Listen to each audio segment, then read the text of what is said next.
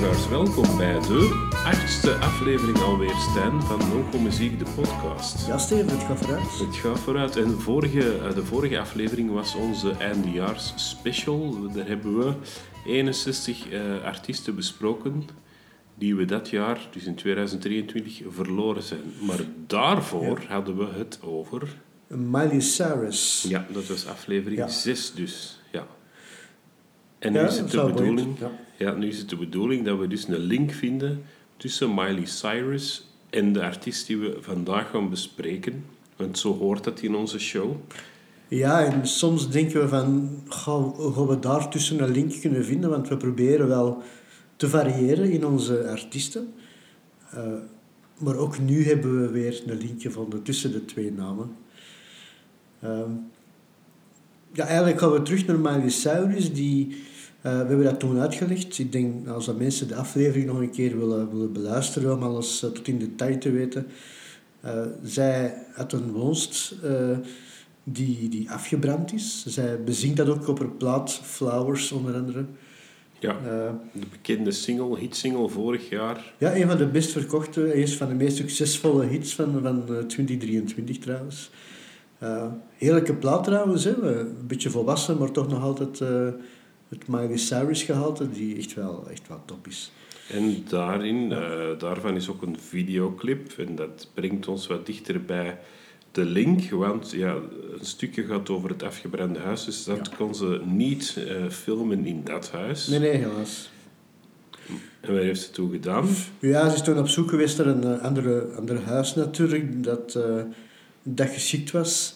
En dat huis was een ooit eigendom van onze huidige artiest. En dat is niemand minder dan de enige echte Frank Sinatra. Nice. Ja, het wordt tijd dat we zo eens eh, een beetje afwijken van het pad en een oude rot, maar echte oude rot. eh, Ja, we hebben al een, een- een enkele artiesten besproken die overleden zijn. Ja, Eh toen doen we dat niet altijd, maar eh, van Miley Cyrus waren we terug een hele andere kant op. ja. En dan vonden we dat een van de, de grootste artiesten, zangstem toch zeker Ja. van voorbije eeuw. De grootste crooner, de grootste crooner aller Ja, tijden. ja. Frank Sinatra, All Blue Eyes. Een eh, niet onbesproken figuur natuurlijk. Nee, dat maakt het natuurlijk voor ons als, eh als Nonco Muziek podcast wel heel boeiend om daar eh, draadjes open te trekken en te kijken met wie dat er allemaal linken waren, de, de sappige verhalen die we gevonden hebben. Ja, en de, de roddels misschien, Ja, waar het toch wel een eh, groot deel ook wel echt wel waar van zijn. ja, ja. Zeer interessante linkje. En we beginnen misschien bij het begin. Eh, Hij komt uit Hoboken. Ja, ja, ja.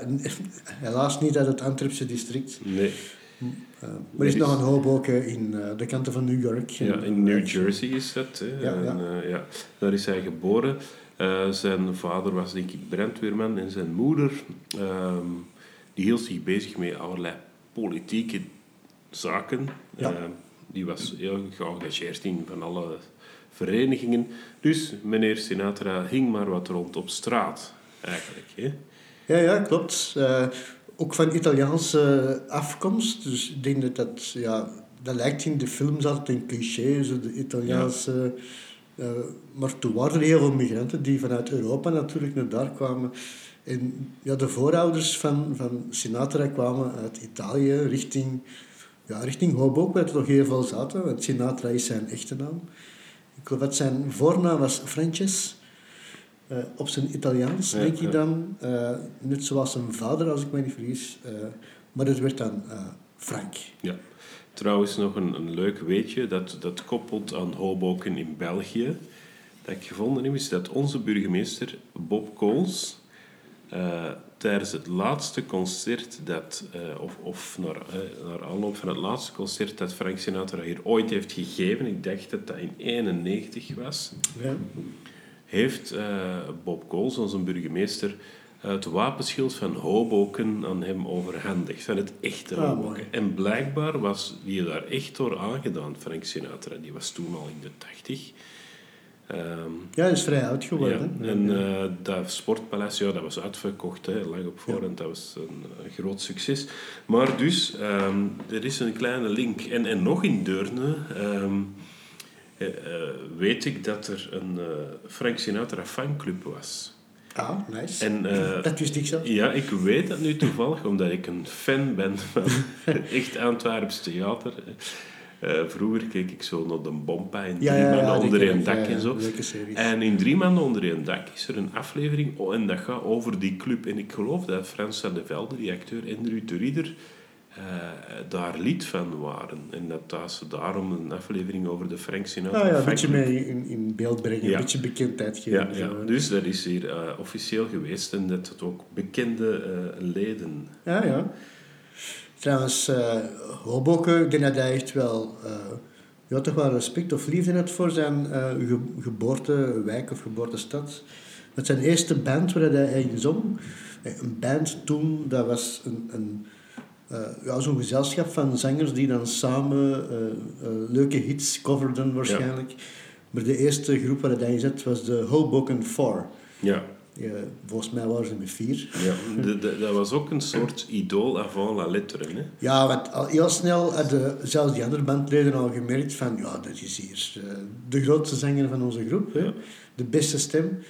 Ja, die is al snel... Uh, Ja, we- moeten lossen natuurlijk. Hè? Ja, wat ik bedoel dus, ehm, hij is bekend geworden door iets zoals hier op tv, het, het programma Idool. Ah, ja, ja, ja. Dat was dus, eh, hij had die mannen geëngageerd om eh, een radiowedstrijd mee te doen, natuurlijk Ah, ja, op ja. tv.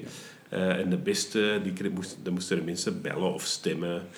Eh, Dat is van alle tijden. Hè. Ja. Toen was het nog radio natuurlijk, Ja. voordat de tv echt bekend werd. We spreken over de jaren 40. ja, maar toen was het op radio ook al dat, dat, dat mensen dat meededen met van die liedjeswedstrijden. ja. Eh, onder andere ook Frank Sinatra. En hij werd dus het meest eh, teruggevraagd, dus moest hij iedere keer opnieuw komen. Ja. Eh, als, nu Stan, jij bent ook muzikant, een leuk weetje over hoe dat Frank Sinatra helemaal aan het begin van zijn carrière andere muzikanten kon engageren om met hem mee te spelen. Want hij was natuurlijk een nobody. Ja, ja. En dat was, zijn ouders hadden hem een beetje geld gegeven. Hij was buiten gevlogen. Allee, hij was eigenlijk afgestapt. Ze hadden gezegd, je moet Ja. naar school gaan of word maar af. Dan ben ik weg. hè. Ehm, maar eh, ze hadden een vroeging en ze hadden hem wat geld gegeven. En daarvan had hij arrangementen gekocht. Dus eh, bladmuziek. En dat kostte geld, maar hij had zo'n bibliotheek. Dus eh, bands kwamen bij hem vragen, mogen wij alsjeblieft, en dan kunnen we dat spelen. Dat ja, maar ja. ik zing wel. Ah ja. Eh, dus dat is de voorwaarde. Dus hij had ook een PA-systeem, iets heel rudimentair. Ja, dat hadden ja. veel mensen niet. Een micro en een box zal dat gewoon geweest zijn. En dus als ze dat wouden komen lenen, moesten ze hem erbij pakken. En zo heeft hij dus muzikanten rond zich kunnen Het verzamelen. is wel zo inderdaad dat Sinatra is altijd wel een goede zakenman geweest. Ja, Maar uiteindelijk, eh, als je kijkt naar het repertoire dat hij, we gaan verschillende hits wel een keer even bij stilstaan. Eh, ja, dat zijn alleen maar covers. Hè. ja, Eh, het verschil met bijvoorbeeld Elvis, die, ja, die had de kunst eh, om, om de, de hits van de grote zwarte artiesten vooral eh, naar zijn hand te zetten en dan, of te laten zetten en dan het publiek te brengen. Helaas soms te vergeten te vermelden wie dat dan de originele artiest was. Sinatra kon ook heel goed coveren, maar in zijn hoofd had hij echt al het goede idee van dat moet op die manier dat arrangement krijgen. En als er dan met artiesten samenkwamen, dan liet hij heel duidelijk weten hoe het eindresultaat moest zijn. ja. Dat maakte dat, hij, dat zijn covers eigenlijk boven de andere vele coverartiesten eigenlijk eh, boven schoten. Het werden dikwijls de ultieme versies. Hè. Ja, ja, sommige liedjes, ey, als je daar niet veel eh, mee bezig bent of, of de rest niet goed kent, dat zijn dan de hits van Frank Sinatra. Ja. Totdat dan het origineel boven komt. eh. En het is altijd zo, ja, dat zijn jazz standards of wat ze noemen de Great American Songbook. Zo. Ja, ja, die werden geschreven alle, eh, op een band, zoals ze Ja. dat zeggen. Eh, en iedereen coverde die hits aan. Waren tientallen covers op een Ja. jaar tijd. Ja, ja. En dan zag je al die versies in de hitlijsten komen soms. Ja, ja. En dat zijn eh, liedjes uit musicals, eh, volksnummers, Ja, jazz, ja. jazznummers. eh. Dus heel veel van die liedjes komen uit de jaren 30, 40, die dan gewoon werden hernomen. Die we nu nog altijd kennen trouwens. Hè. ja. Dus het bekendste nummer van eh, Frank Sinatra, My Way, is eigenlijk een, een van zijn latere nummers. Hè. Daar staan we niet altijd zo bij stil. Verschillende van zijn grote hits, zoals My Way en ook bijvoorbeeld New York, New York, Strangers in the Night. eh, dat zijn allemaal latere hits. Ja. Eh, Dat is dan na zijn comeback. Misschien moeten we het eerst hebben over voor. Dus dat, Ja. was, dat was heel, heel we populair. zijn van de hak op de Ja. Zo is hij in deze show. Hij was heel populair. ehm, eh, dus hij die vulde overal zalen. Hè, die, eh, Ja, ja, jaren absoluut. 40. Eh, maar dan eh, zijn er een paar dingen gebeurd waardoor hij eh, een beetje in een slecht daglicht is geraakt. Alleen voor ons lijkt dat stom. Maar Ja, ja. eh, bijvoorbeeld, hij was, een, eh, hij was heel hard tegen de segregatie. Dus hij kwam op voor de rechten van de zwarte ook. Wat hem dus eh, de beschuldiging ja, opbracht in de pers dat hij communistische sympathieën zou hebben. Toen was het in Amerika al zo Dat hard dat eh, je... McCarthyism zeker. Ja, ja, er werden echt wel artiesten in de filmwereld en de Ja. eh, muziekwereld achtervolgd Ja. en op een zwarte lijst omgezet, eh, omdat zij die sympathieën zouden Ja. hebben. En dat is één zaak. De andere is meer persoonlijk. eh, dat ging over het feit dat hij thuis een vrouw en kinderen, Nancy Sinatra, eh, net zoals zijn dochter Nancy Ja. genoemd, eh, geheten.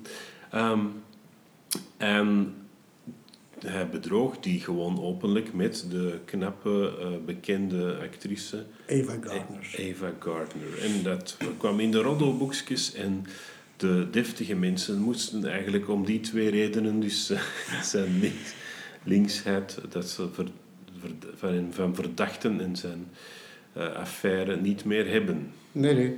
En misschien om het even te kaderen, eh, Frank Sinatra zelf is vier keer getrouwd geweest. En als we even de, de verschillende vrouwen, hè, om het even zo te zeggen, even overlopen, dan geeft dat al een heel duidelijk beeld over de beginjaren eh, van Sinatra en de verschillende wegen die hij op die manier ook is ingegaan, creatief. Eh, eh, Steven, zoals je al zei, die, die eerste vrouw, hè, Nancy Barbato, Mhm. ook een Italiaanse afkomst. Ehm, en daar kreeg hij drie kinderen mee. Dus de, de kinderen van Frank Sinatra, die we nu nog kennen, zo, de dochter Nancy Sinatra, de Mhm. Bekende zangeres later geworden. Eh, Frank Sinatra Jr.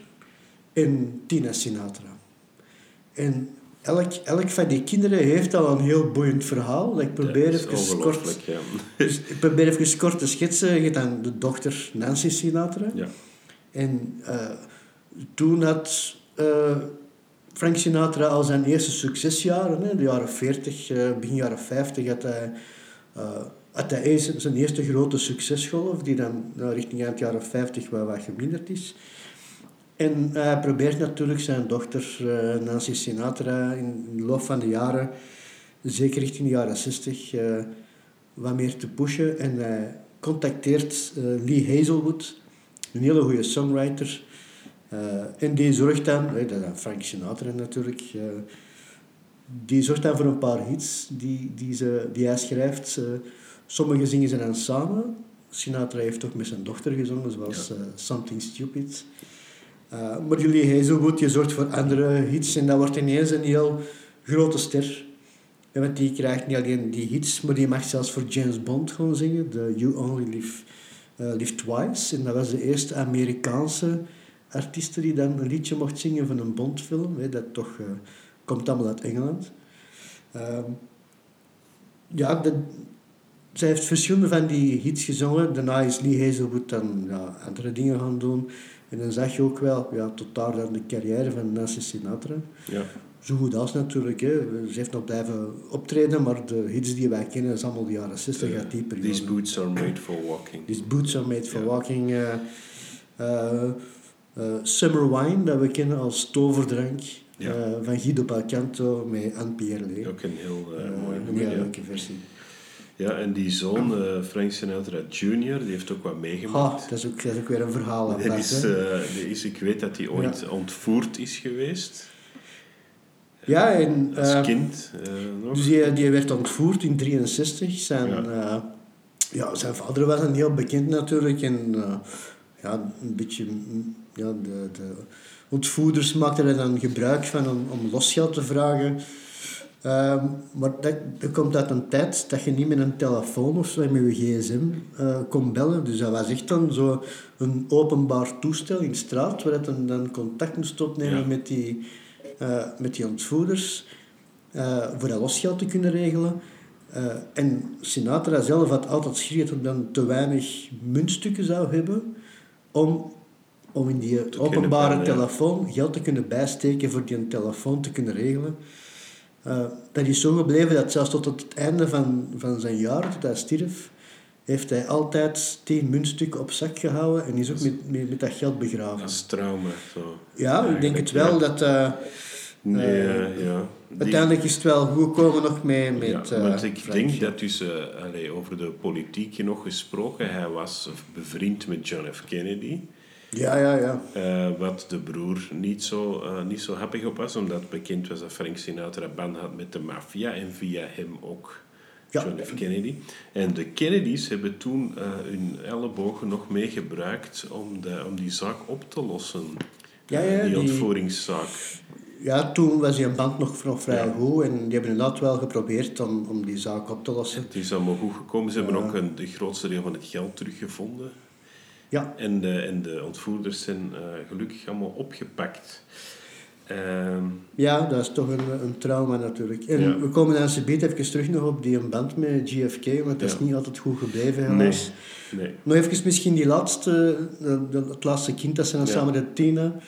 ehm, die was misschien ook zo slim om dan niet in de voetsporen van haar vader te gaan als, eh, qua creativiteit zelf. Eh, maar zij dan achter de schermen wel, waarschijnlijk met het zien hoe dat alles geregeld werd en, en hoe dat de muziekwereld in elkaar stak, eh, is zij meer producer geworden.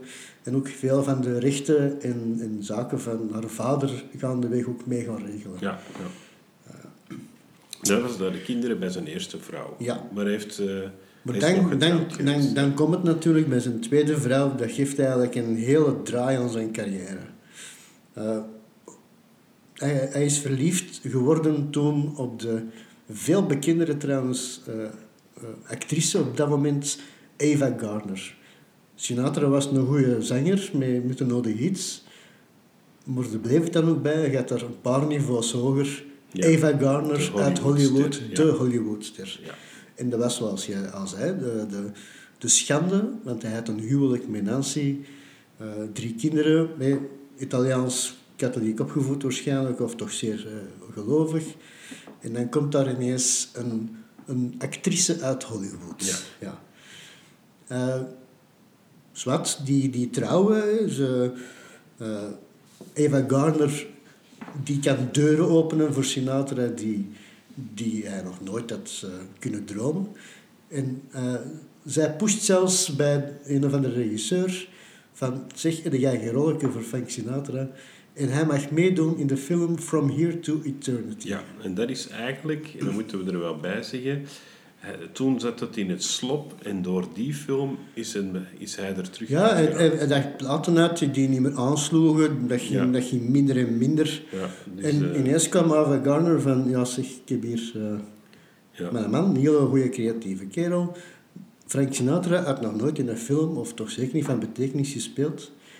Uh, voor de mensen die From Here to Eternity niet direct zouden kennen, is een heel bekende scène waar het... Uh, uh, even kijken, Burt Lancaster was zeker en Deborah Kerr op het strand liggen en dat dan, terwijl dat ze liggend elkaar zoenen, komt er een golf van water over Ja. hen heen. Heel veel geparodieerd ook wel. Ja.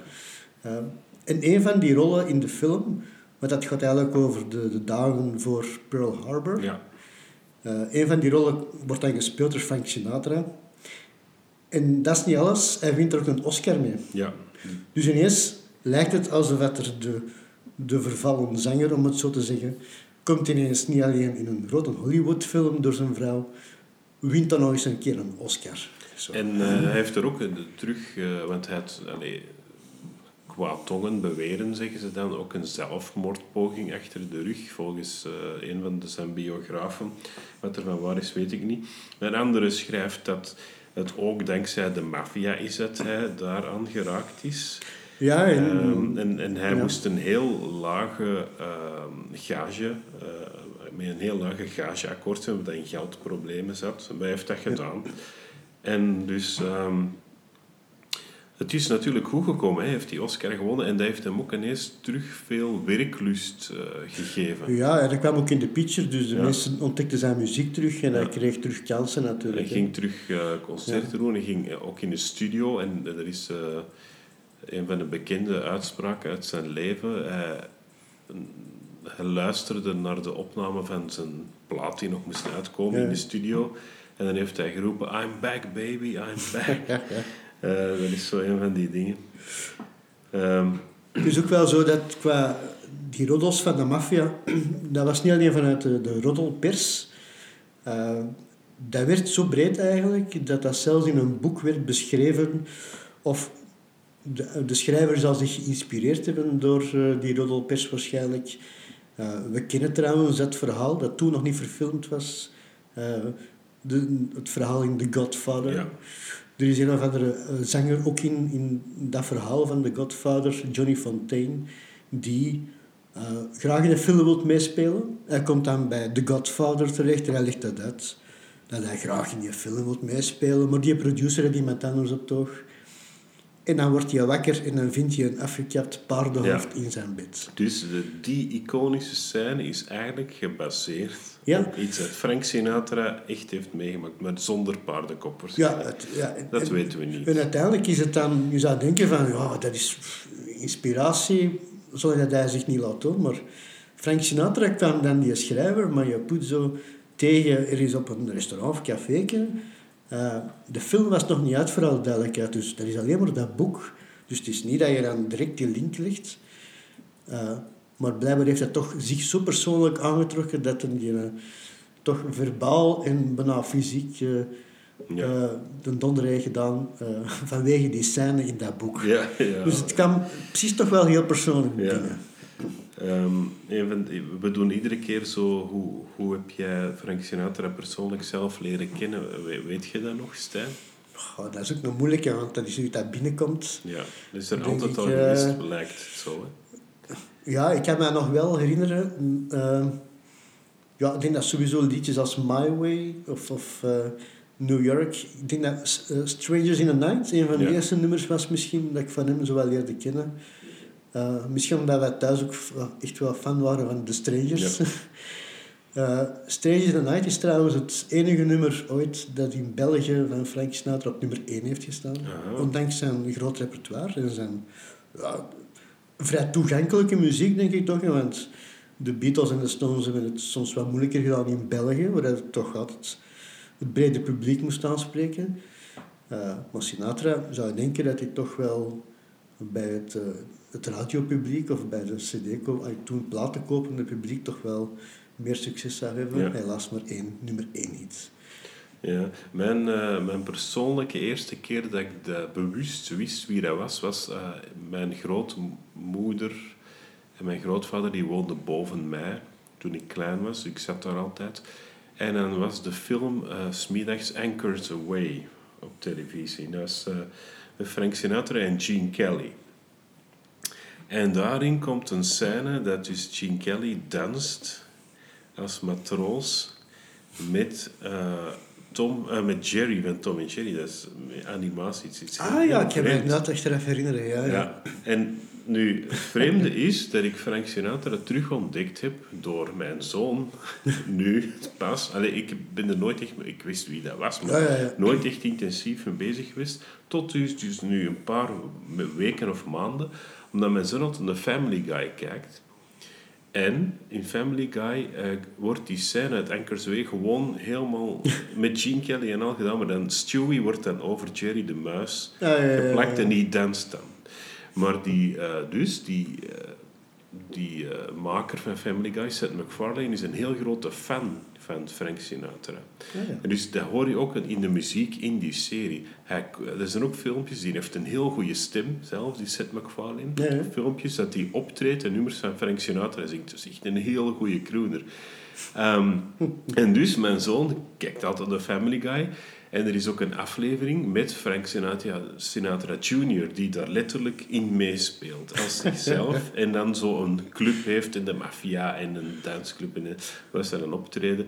Uh, en, ja, en daardoor is mijn zoon dus die muziek, dankzij Family Guy, vroeg die aan mij, hoe moet ik dat spelen? Heb ik hem zo wat jazzstandards geleerd en zo op de piano. En ben ik er zelf in beginnen groeien. En we dat dus allemaal door Anchors Away eigenlijk. Maar dan met een omweg langs Family Guy terug. Ja. Toch wel mooi dat het dan ook in die publiek uh, op ja, die manier onbewust te bereiken is. Ja, ja. Denk veel van die crooners wat verleden tijd uh, lijken soms. maar dat toont dan aan dat Frank Sinatra tijdloos is. Hè. Ja, dat is zo. Uh, ja, we zullen misschien even de, de, de andere vrouwen, de, want er zijn nog twee vrouwen die hij dan... Uh, dus hij, hij wordt dan helemaal bekend. Excuseert. En uh, heel speciaal, uh, daarvoor heeft hij zijn eerste vrouw laten staan voor, met de affaire van Eva Gardner. Nu het Eva Gardner als de grote superster uit Hollywood die Frank Sinatra laat staan. Dat is een heel ander concept. Toen was er veel van die mannen die dan een, een jongere vrouw gingen zoeken. Uh, hij, werd, hij werd gewoon opzij gezet. Uh, wat is goed geweest, ik kan naar iemand anders. Het, Eva Gardner zei er genoeg van. Dat is, hij had er heel veel last van, want hij had ook een beetje zijn ego misschien wat ja. kwaad heeft gedaan. En hij is daarna ja, dan toch met een jongere vrouw samengegaan, want hij heeft uh, Mia Farrow leren kennen. Ja, veel jonger uh, toch? Veel jonger, uh, ja. 19 jaar zeker als ze elkaar redelijk kennen en dan op 21 jaar getrouwd. Hij was toen al 50 jaar. Dat is toch een, dat is toch een serieus mm -hmm. leeftijdsverschil. En Mia Farrow, die, die later dan bekend werd van Rosemary's Baby. Ja, en het is op die moment, want ja, die hadden afgesproken van, kom dan niet bij mij in een film spelen. Uh, maar Mia Farrow zei, ja, ik heb hier de kans voor, voor in Rosemary's Baby te spelen. Ik kon dat niet laten schieten, want dat ziet er mij een deftig project uit. Uh, dat uh, Sinatra zo kwaad was dat hem tijdens de opnames van zijn eigen film, waar hij normaal gezien Farrow dan moest meespelen aan publiek, de echtscheidingspapieren gewoon gaf van, dan is het voor mij ook goed geweest. Een beetje zo van, ja. ik heb hier geen macht over, ja. over die vrouw, dus ik laat ze maar gaan. Uh, er is een beetje een, een vreemde terug iets, een terugkerend iets, dat leeftijdsverschil in het, le het leven van Mia Farrow. Ja, dat ook wel, ja. Later dus, uh, is ze dan een relatie begonnen met Woody Allen, regisseur. En die heeft, bleek dan een relatie te hebben met de 35 jaar jongere adoptiedochter van Mia Farrow. En die zijn nog altijd samen. Die zijn in 97 getrouwd, denk Woody Allen en die dochter. ik heb het uh, nog moeten opzoeken, want dat was toen een groot schandaal. Ja, die was toen dus echt, echt veel jonger. Plus dan het feit dat, dat het zijn adoptiedochter is. Ja, dat ja. Is... Uh, maar die zijn dus nog altijd samen, blijkbaar. Hij is toch al uh, tegen de 90 of zo zeker? Ja, denk ik. Hij wordt al heel, heel lang of zo, ja. Ja, dus een vreemd verhaal. Dus ja. het leeftijdsverschil in het leven van Mia Farrow. Ja. Ja, dus uiteindelijk komt hij dan weer alleen te staan. Uh, uiteraard hoorde dat ook in de muziek die hem dan wat, wat brengt en zo. Maar hij vindt dan toch nog zijn vierde vrouw, waar hij ook mee samen is tot het, tot het einde. Ja. Dus op zich lijkt het dan een goede huwelijk, wat uh, niet zo boterde tussen die vrouw en de kinderen. Die, die vrouw is Barbara Marx. En Marx, dat is uh, ook een naam die misschien een belletje doorrinkelen, want dat is uh, haar vorige echtgenoot en daar heeft ze een naam van meegepakt, was uh, Zippo Marx van de Marx Brothers. Ja. maar die zijn, die zijn samengebleven tot het einde. Ja. nu, nog een beetje over de muziek terug, van over de roddels en de relaties. ja. Um, in de jaren 50, midden jaren 50, brengt hij een, een heel bijzondere plaat uit, die ja, muziekgeschiedenis is eigenlijk om een bepaalde reden in de wee small hours. Mijlpaal, ja. In de wee small hours. Um, dat wordt, het 55 wordt aanzien als het eerste, wat ze noemen, concept-album. Dus uh, vroeger waren albums gewoon een verzameling van singles die al hits waren geweest of zo. Of, ja, of als zo. artiesten iets uitbrachten, dan was dat ja, buiten een live optreden, was de mogelijkheid al heel beperkt wat ze op een plaat konden brengen. Dus dat het dan meestal ja, je moet de hit scoren. Hè? Dus we Ja. beginnen met een single hier, een single daar. En dan komt er een album. En ofwel zijn het die verzameling van singles, of dat zijn dan twee hits. En dan de rest wat vulselmateriaal. Ja, maar er werd niet zo Nee. nagedacht over een overkoepelend thema. Nee, ook niet van wat zitten we als eerste op die Nee. plaat, wat pakken we als tweede, oei, waarover gaan we het hebben. Dat was gewoon Nee. van schrijf eens wat nummers, zodat we een, een volledig album kunnen uitbrengen. Frank Sinatra had dus dat idee al in de jaren 40. Hè. Dat moet meer een verhaal zijn. Een album moet je opzetten. eh, Ja. En dan moet je luisteren als een verhaal tot het einde. En dat is dus in The Wee Small Hours. Ehm, en ehm, dat werd een commerciële hit. Eh, Zo'n hit dat het feit eh, dat er iets merkwaardigs gebeurde op technisch vlak, namelijk ehm, platen waren tot dan toe niet 12-inch LP's zoals wij die nu kennen. Dat was, zo, ja, Mhm. Nee, nee. dat was een experimenteel formaat. Maar die plaat kwam wel zo uit. En dat was zo'n succes dat na een paar jaar dat gewoon de norm was, dat formaat. Dus het is gewoon door die plaat die... Dat, dus moest- Ja, ja, ja. ja. eh, dat mensen zo'n platenspelers moesten kopen, denk ik. Ik weet niet hoe dat technisch werkte, maar ehm, dat dat dus normaal was, dat dat de standaard is geworden. Dus hij heeft met die plaat twee mijlpalen eigenlijk. eh, de gewone LP ja. eh, En het concept. en het concept album. En dan misschien ook nog iets, alhoewel hij er ook al langer wat mee bezig was, dat Sinatra ook wel mee gepusht heeft. Dat is het, op, de opnametechnieken eh, voor zangers. Want meestal was dat een band en dan stond een micro daar. Maar doordat ze nu meer sporen konden gebruiken en, beter de micro richten op de zanger, dan moest dan moest zanger of zangeres van, van dienst moest dan niet zo hard beginnen zingen om er bovenuit te komen, om een gelijk volume te hebben met de muzikanten. Dus hij kon veel zachter zingen en daardoor eigenlijk zijn stem beter gebruiken, veel meer dat verhalende, beetje intiemer waar het nodig kan. Eh, en dat gaf een heel andere dynamiek ook bij, de, bij opnames Ja. van zangers en zeker crooners zoals eh, Sinatra. Ja, ja. Dus eh, dan belanden we in de jaren 60, denk ik. ja, en misschien moeten we dan eens iets zeggen over de, de Rat Pack. Ja, Dat, de, de Rat Pack, er zijn verschillende versies van geweest. zo een, een, een groep van ja, creatieve zielen, om het eh, even breed te trekken. Zangers, muzikanten, eh, artiesten. eh, die dan samen niet alleen muziek maakten, maar die ook samen te zien waren in films, die samen ja, in Ja. de media verschenen. ik denk dat ze begonnen zijn in, in Las Vegas, dat toen net opkwam als, als place to be. Eh dan zijn ze zo een mix gaan doen van op eh, met vier, dat met Dee Martin was het, eh, Het is nog, Sammy het is nog, Jr. het is nog lang- langer Ja. geleden begonnen, want eigenlijk is de Rat Pack begonnen bij een heel bekend koppel uit Hollywood, Humphrey Bogart en Lauren Bacall.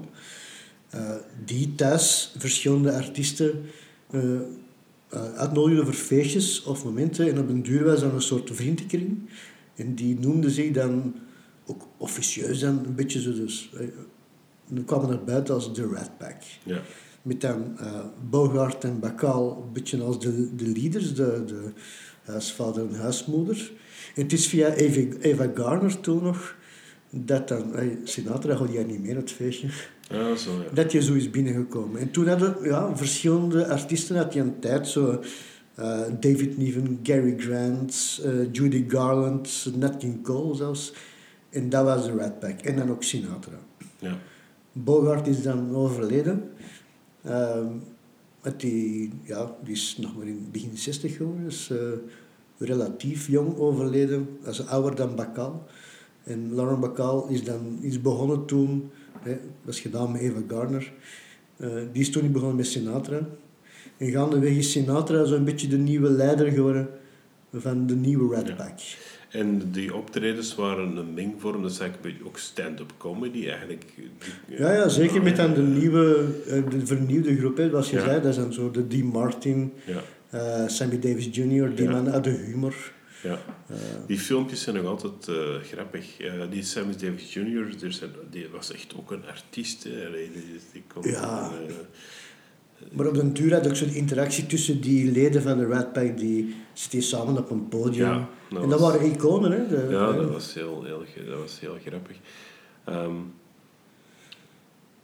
En het is eigenlijk eh gaandeweg, want ze hebben dat later... eh, dat is dan een beetje uiteengevallen, maar dat, is, dat gebeurt dan wel meer.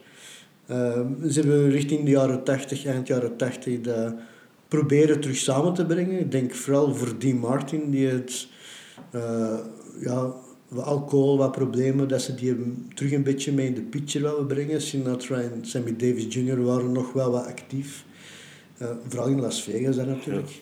Dus uh, wouden die meepakken op tournee. Ze hebben nog eens één film gedaan, maar dan meepakken richting ja, terug de shows in Las Vegas of daarbuiten. Uh, die Martin is toen met zijn gezondheid en problemen snel er terug uitgevallen. Ze hebben dan Liza Minnelli uh, gevraagd om mee in te vallen. En een van haar hits is later dan nog een bekendere cover geworden door Frank Sinatra. Want zij zong origineel in de film New York, New York, het team voor New York, New York. Dus ja, Frank Sinatra zal het daar opgepikt hebben en daar dan zijn versie van gemaakt hebben, jaren later. Hè. De film is van de jaren 70 van uh, Martin Scorsese met Robert De Niro als uh, saxofonist. Uh, en dan is Manela zelf die het dan zingt. En hij heeft daar zijn versie van gemaakt en nu in iedereen zijn hoofd is, New York, New York het nummer van Frank Sinatra. Ja, ja, zo is dat met, met veel nummers die hij gezongen heeft. Um, er was nog één ding dat, dat, mij, dat ik een tijdje geleden op de radio hoorde. En uh, het ging over zijn relatie met Sammy Davis Jr. Dat was een zwarte man en uh, dat was uh, niet zo evident om samen te toeren, omdat hij soms gewoon niet in het hotel mocht en zo. Ja, dus, dat was nog segregatie uh, toen. Dus, uh, veel duidelijker toen. Frank Sinatra die was een grote naam, dus die kreeg een heel chic hotel. En hij kreeg dan een kamertje en dan s'nachts uh, of zo, dan Frank Sinatra weigerde gewoon en die wisselde dan. Dus, die mocht, dus Sammy mocht dan in een chic hotel slapen in zijn kamer en hij ging dan in zo'n achterafkamertje liggen. En hij heeft ook op sommige locaties gezegd, hier kom ik nooit meer optreden in deze stad of weet ik veel. Ik kan me dat wel voorstellen, er waren verschillende artiesten die dat ook wel probeerden. Uh, ja. ja die probeerden dat wel los te weken met de kracht dat ze hadden. Ik geloof dat de Beatles ook in hun contracten lieten zetten dat het publiek niet uh, apart mocht zitten. Want in sommige zalen was dat zo. Van als wij komen, dan is dat voor iedereen en voor elkaar en anders niet. Dus en uh, ja, voor zo'n dingen, dus werd hij dan ja, soms wel scheef bekeken hè, in de pers. Uh, dat is rebels, maar ja.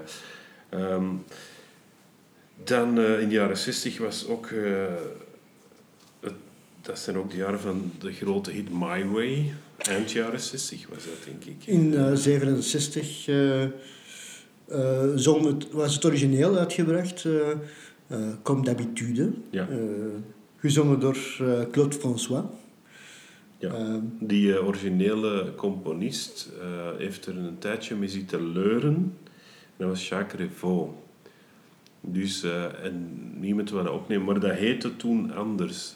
For Me, ik denk dat het zelfs in het Engels was. Ja, ik kan me wel voorstellen dat hij dat schrijft voor een internationale artiest ja. en niet goed weet van met wie kan ik terecht. En er was maar één, dus uh, Claude François, die zei oké, okay, ja, ik wil dat doen, maar ik ga daar zelf een tekst opschrijven. Samen met uh, Gilles Thibault heeft hij dat gedaan. Dus Comme d'habitude. En ja, dat was een hit in Frankrijk. Ja. En ik denk dat toen het idee opkwam van... Ja, dan moeten we daar ook een Engelstalige versie van maken. Ja. Uh, en ze vroegen dan onder andere aan Paul Anke... Ja. Om, om daar een nummer... Ze hebben het eerst aan Bowie gevraagd. Die heeft dat ja. ook met een voorstel afgekomen maar dat vond, hem, dat vond de originele componist uh, echt niet, niet goed. En uh, David Bowie heeft dus uh, dat gerecycleerd tot Live on Mars. Dat is als je... wij zijn pianisten, of als je muzikant bent, hoor je aan de akkoordensequentie. Ja, ja, dus hij heeft de hele tijd met dat nummer in zijn hoofd gezeten. En dan heeft hij dat gewoon de, als basis gebruikt voor Live on Mars. Het veel dezelfde akkoordensequenties. En zo komt alles terug. Ja. Ja. Uh, dus Paul Anka die schrijft dan een, een, nieuwe, een nieuwe versie, dat ook wel hè, toch niet slecht is. Um, en dan komt dan bij op die moment Sinatra terecht, die, uh, die zijn carrière terug eigenlijk, zeker met de Pack, met de tv, met de film, ja. goede platen, die zijn carrière is heel goed bezig. Uh, en Sinatra zingt dan de onsterfelijke versie My Way. Ja. Dat schijnt wordt het My Way elke minuut ergens gespeeld op de wereld. Op een radio of tv. Ja, er zijn, er zijn ongelooflijk veel versies, covers Ja. en uiteraard de versie van Sinatra zelf. Ja. Ook een van de leuke weetjes over, over My Way dan. Ehm, blijkbaar heeft eh, Trump, toen hij eh ingehuldigd werd als president, helaas in 2017, eh daar op een dansen geweest, hè, op, op het nummer My Way. Ja, en dan zijn natuurlijk de media, dan komen ze bij Nancy Sinatra, de dochter, vragen van, ja, wat vind je er eigenlijk nu van dat eh, Trump op eh, Ja. het nummer van uw vader, My Way, aan het dansen is? En die zeggen, je moet eens goed luisteren naar de eerste zin. And now the end is near, and so I face the final curtain. ja. Dat was haar commentaar. Ja. De, het is, het is frappant dat Frank Sinatra dus ehm, zowel voor John F. Kennedy allee, bevriend was met John F. Kennedy en later heeft hij mee, geloof ik, de campagne gesteund van Reagan. Ja, Dus, eh, dat zie je soms ook wel bij van die artiesten, dat die, die hebben hun ideeën en ja, dan maakt het soms iets minder uit of het een, een democrat of een republikein is. ja, Eh, omdat zij ook niet met alle standpunten misschien op de hoogte zijn of daarmee willen doorgaan. Want een band was er inderdaad hè, met JFK, totdat dan ja, die schandalen wat bovenkwamen, onder andere van de maffia. Er is er trouwens eh, dik duizend bladzijden ooit geschreven door de FBI. eh, onderzoeken naar Sinatra geweest en eigenlijk op aanraden van zijn broer, eh, Bobby Kennedy dan, toch gezegd van ik zou beter afstand houden van Sinatra. ja, En toen is JFK is toen vooral op bezoek geweest bij Bing Crosby, waar hij ook een band mee had. Eh, waar achteraf dan blijkbaar gebleken is dat eh, Bing Crosby wel degelijk ook zo wat op, niet heel nauw, maar toch wel wat betrokken was ook met de maffia om bepaalde dingen te regelen. Maar die kon dat beter verbergen blijkbaar. Want dat is nooit aan zijn imago blijven plakken. Eh, wat er ook van waar kan zijn, maar het geeft wel spannende verhalen natuurlijk. Bing Crosby was van de jonge Sinatra een idool. Ja, de, dus, eh, Bing Crosby was al veel, eh, was al langer bezig. eh, en zeker in de filmwereld ook al, eh, met, zijn, met zijn muziek. Hij was ook een grote ster geworden op die manier. Eh, en was inderdaad wel een groot voorbeeld. eh. Ja. Ja. Fra- Frank Sinatra zelf was ook het grote voorbeeld van, eh, ja, dat, dat werkt nog altijd, nog altijd door. Hè. Eh, want ik herinner mij dat er ooit zo, eh, een jaar of twintig geleden, of al langer denk ik, was er zo'n een, een swing revival. Ah ja. En eh, weet ik dat eh, Robbie Williams, van die eerst wat ik dat eh, zong, had dan een, eh, een plaat opgenomen. eh, Swing When You're Winning, denk ik. Dat Ja. mij iets, ja. ja. En daarop stond dus eh, ook een, een grote hit, dat was Something Stupid. Dus dat Ja, nummer dat eh, Frank Sinatra samen met zijn dochter Nancy Sinatra zong. Mhm. Wat ik altijd heel vreemd heb gevonden als je die tekst beluistert. Ja, dat was een beetje de commentaar toen ook wel, maar hey, ze wisten, ja, ze kennen elkaar. Er was niks eh, vreemd aan, maar de tekst is wel raar. Dan, ja. En dus Robbie Williams heeft dat opgenomen met Nicole Kidman. Eh, en toen, die toen, dat was 2001, eh, ook in een musical zong in de film Moulin Rouge. Dus die had dan een beetje bekendheid als zangeres ook. Ja, Moulin Rouge, dat was de, de, de film van eh, Baz Luhrmann, als ik me Ja. niet vergis. over dan de, de tijd van de, ja, de Moulin Rouge in Frankrijk. Eh. En in die film, dat is een, zo een, een clash tussen die oude scene van, van het oude Frankrijk... eh, met dan allemaal eh, bekende popnummers die dan in een nieuw kleedje werden gecoverd. Ja. En onder andere dan Something Stupid is daar, ja, zeker met dan de ster van Robbie Williams en dan de actrice Nicole Kidman is ook wel even een hit geweest. Dat is echt Eh, een hit geweest. ja, dat sloeg wel aan. Ja. En dat was echt zo, eh, geen moderne versie of zo, het was gewoon een oude... Nee, nee, nee, dat, dat was het leuke eraan. Dat die versie, in de film zelf is trouwens ook, we hebben al een aflevering gehad van, eh, van de Police, is ook een hele boeiende versie, een tango-versie van eh, Roxanne. Roxanne, ja, inderdaad. En dat zou misschien wel het, het origineel idee geweest zijn toen van Sting om in die versie te doen. Ook een interessant nummer uit het repertoire van Frank Sinatra dat Robbie Williams heeft gecoverd is eh, Mac the Knife. Uh, dat is een nummer, uh, dat komt uit, een, uit de Dry Groschen Oper of de Three Penny Opera van Kurt Weill en Bertolt Brecht uit 1928 alweer. Dus dat is dus, ja, een, een muziektheater. En dat was dan zelfs al gebaseerd, want ik, voor de mensen die van muziekweetjes houden, de, dat stuk van Kurt Weill en Bertolt Brecht, de Three Penny, Three Penny Opera, is gebaseerd op de Beggars Opera van John Gay uit 1728. Dus dat is een heel... Oh, even terug, ja. Ja, en dus dat verhaal dat gaat dus over een messentrekker, dus een gangster, McKeith, en die noemden ze Mac the Knife. En uh, The Ballad of Mac the Knife is om een van de reden een jazzstandard geworden na dat stuk van uh, Kurt Weill en Bertolt Brecht. Nadat Louis Armstrong daar een, uh, een hit mee had. En later ook Ella Fitzgerald. maar Frank Sinatra is pas... Ehm, dit is een bekend nummer van hem, maar eigenlijk is dat pas in de jaren 80 ja, het, hetgeen dat ik zei, dat er inderdaad heel veel van zijn bekende hits eigenlijk vrij laat in verhouding werden opgenomen door hem. Dus hij was nog altijd... Allee, we kennen die dus nog. Dus het is niet dat zijn stertanende was. we zien een uitverkocht sportpaleis in 1991. Het bleef uh, succes hebben. dat was trouwens met Quincy Jones, uh, voor de mensen die erin geïnteresseerd zijn, op een plaat in 1984. Nu, die Mac the Knife vind dat een leuke, omdat ik die zelf soms ook wel eens speel. Dat is een heel simpel liedje, maar de uitdaging zit erin voor muzikanten dat het elke strofe een halve toon moduleert. Ah ja, ja. Dus je moet allemaal netjes kunnen volgen. Dat is, niet dat is het leuke eraan. Yes. Ik heb nog een leuk sausweetje. Ik weet dat er ook van de luisteraars bij ons uh, ook sausliefhebbers zijn. En Sinatra heeft, ja, misschien met zijn Italiaanse roots, maar heeft... In de late jaren 80 heeft hij een, een sauslijn uitgebracht. Sauzen met de naam Sinatra. Uh, allemaal spaghetti sauzen, hè, zoals het dan Zo hoort dat, hè. Ja. Hij had de recepten van zijn moeder uh, gepubliceerd. Uh, en dan had hij een paar sauzen, spaghetti sauzen, de, de, de Italiaanse tomatensaus, de carbonara volgens mij, nog een paar. Dus misschien dat je dat nog ooit nog vindt in, ja, ik weet niet of ze het nu nog uitbrengen en of het dan nog lekker is, die oude potjes. Uh, maar misschien dat mensen zich van toen, in de jaren 80, dat kunnen herinneren. Als het uit Europa gekomen is natuurlijk. Misschien staat het recept wel op uh, internet nu ondertussen. Dat weten we Hij heeft het toen gepubliceerd, dus dat kan wel zijn. Zo. Ik, uh, we zullen het stilletjes aan afronden, maar jij hebt misschien nog... Ja, om af te ronden misschien nog een laatste. Er zijn een paar mooie odes geweest, uiteraard, hè, bij elke artiest van naam heb je wel andere artiesten die daar dan over zingen. Dus uh, die zingen over hun inspiratie.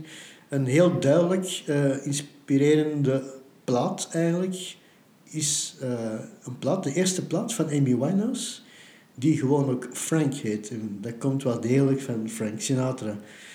En ook al zingt ze niet de nummers van Frank Sinatra, maar je hoort wel een beetje dat ze die dat ze daardoor geïnspireerd is en dat ze een liefde voor onder andere die crooners, dat ze die ook wel brengt. Uh, het is pas eigenlijk uh, bij Back to Black met een andere uh, producer dat die klank meer geworden is wat wij nu kennen met de bekende hits van Rehab en, en Back to Black zelf dan. Maar de eerste plaat, ja, dat was crooners met een mix van zo de 60s girl bands, zo denk ik.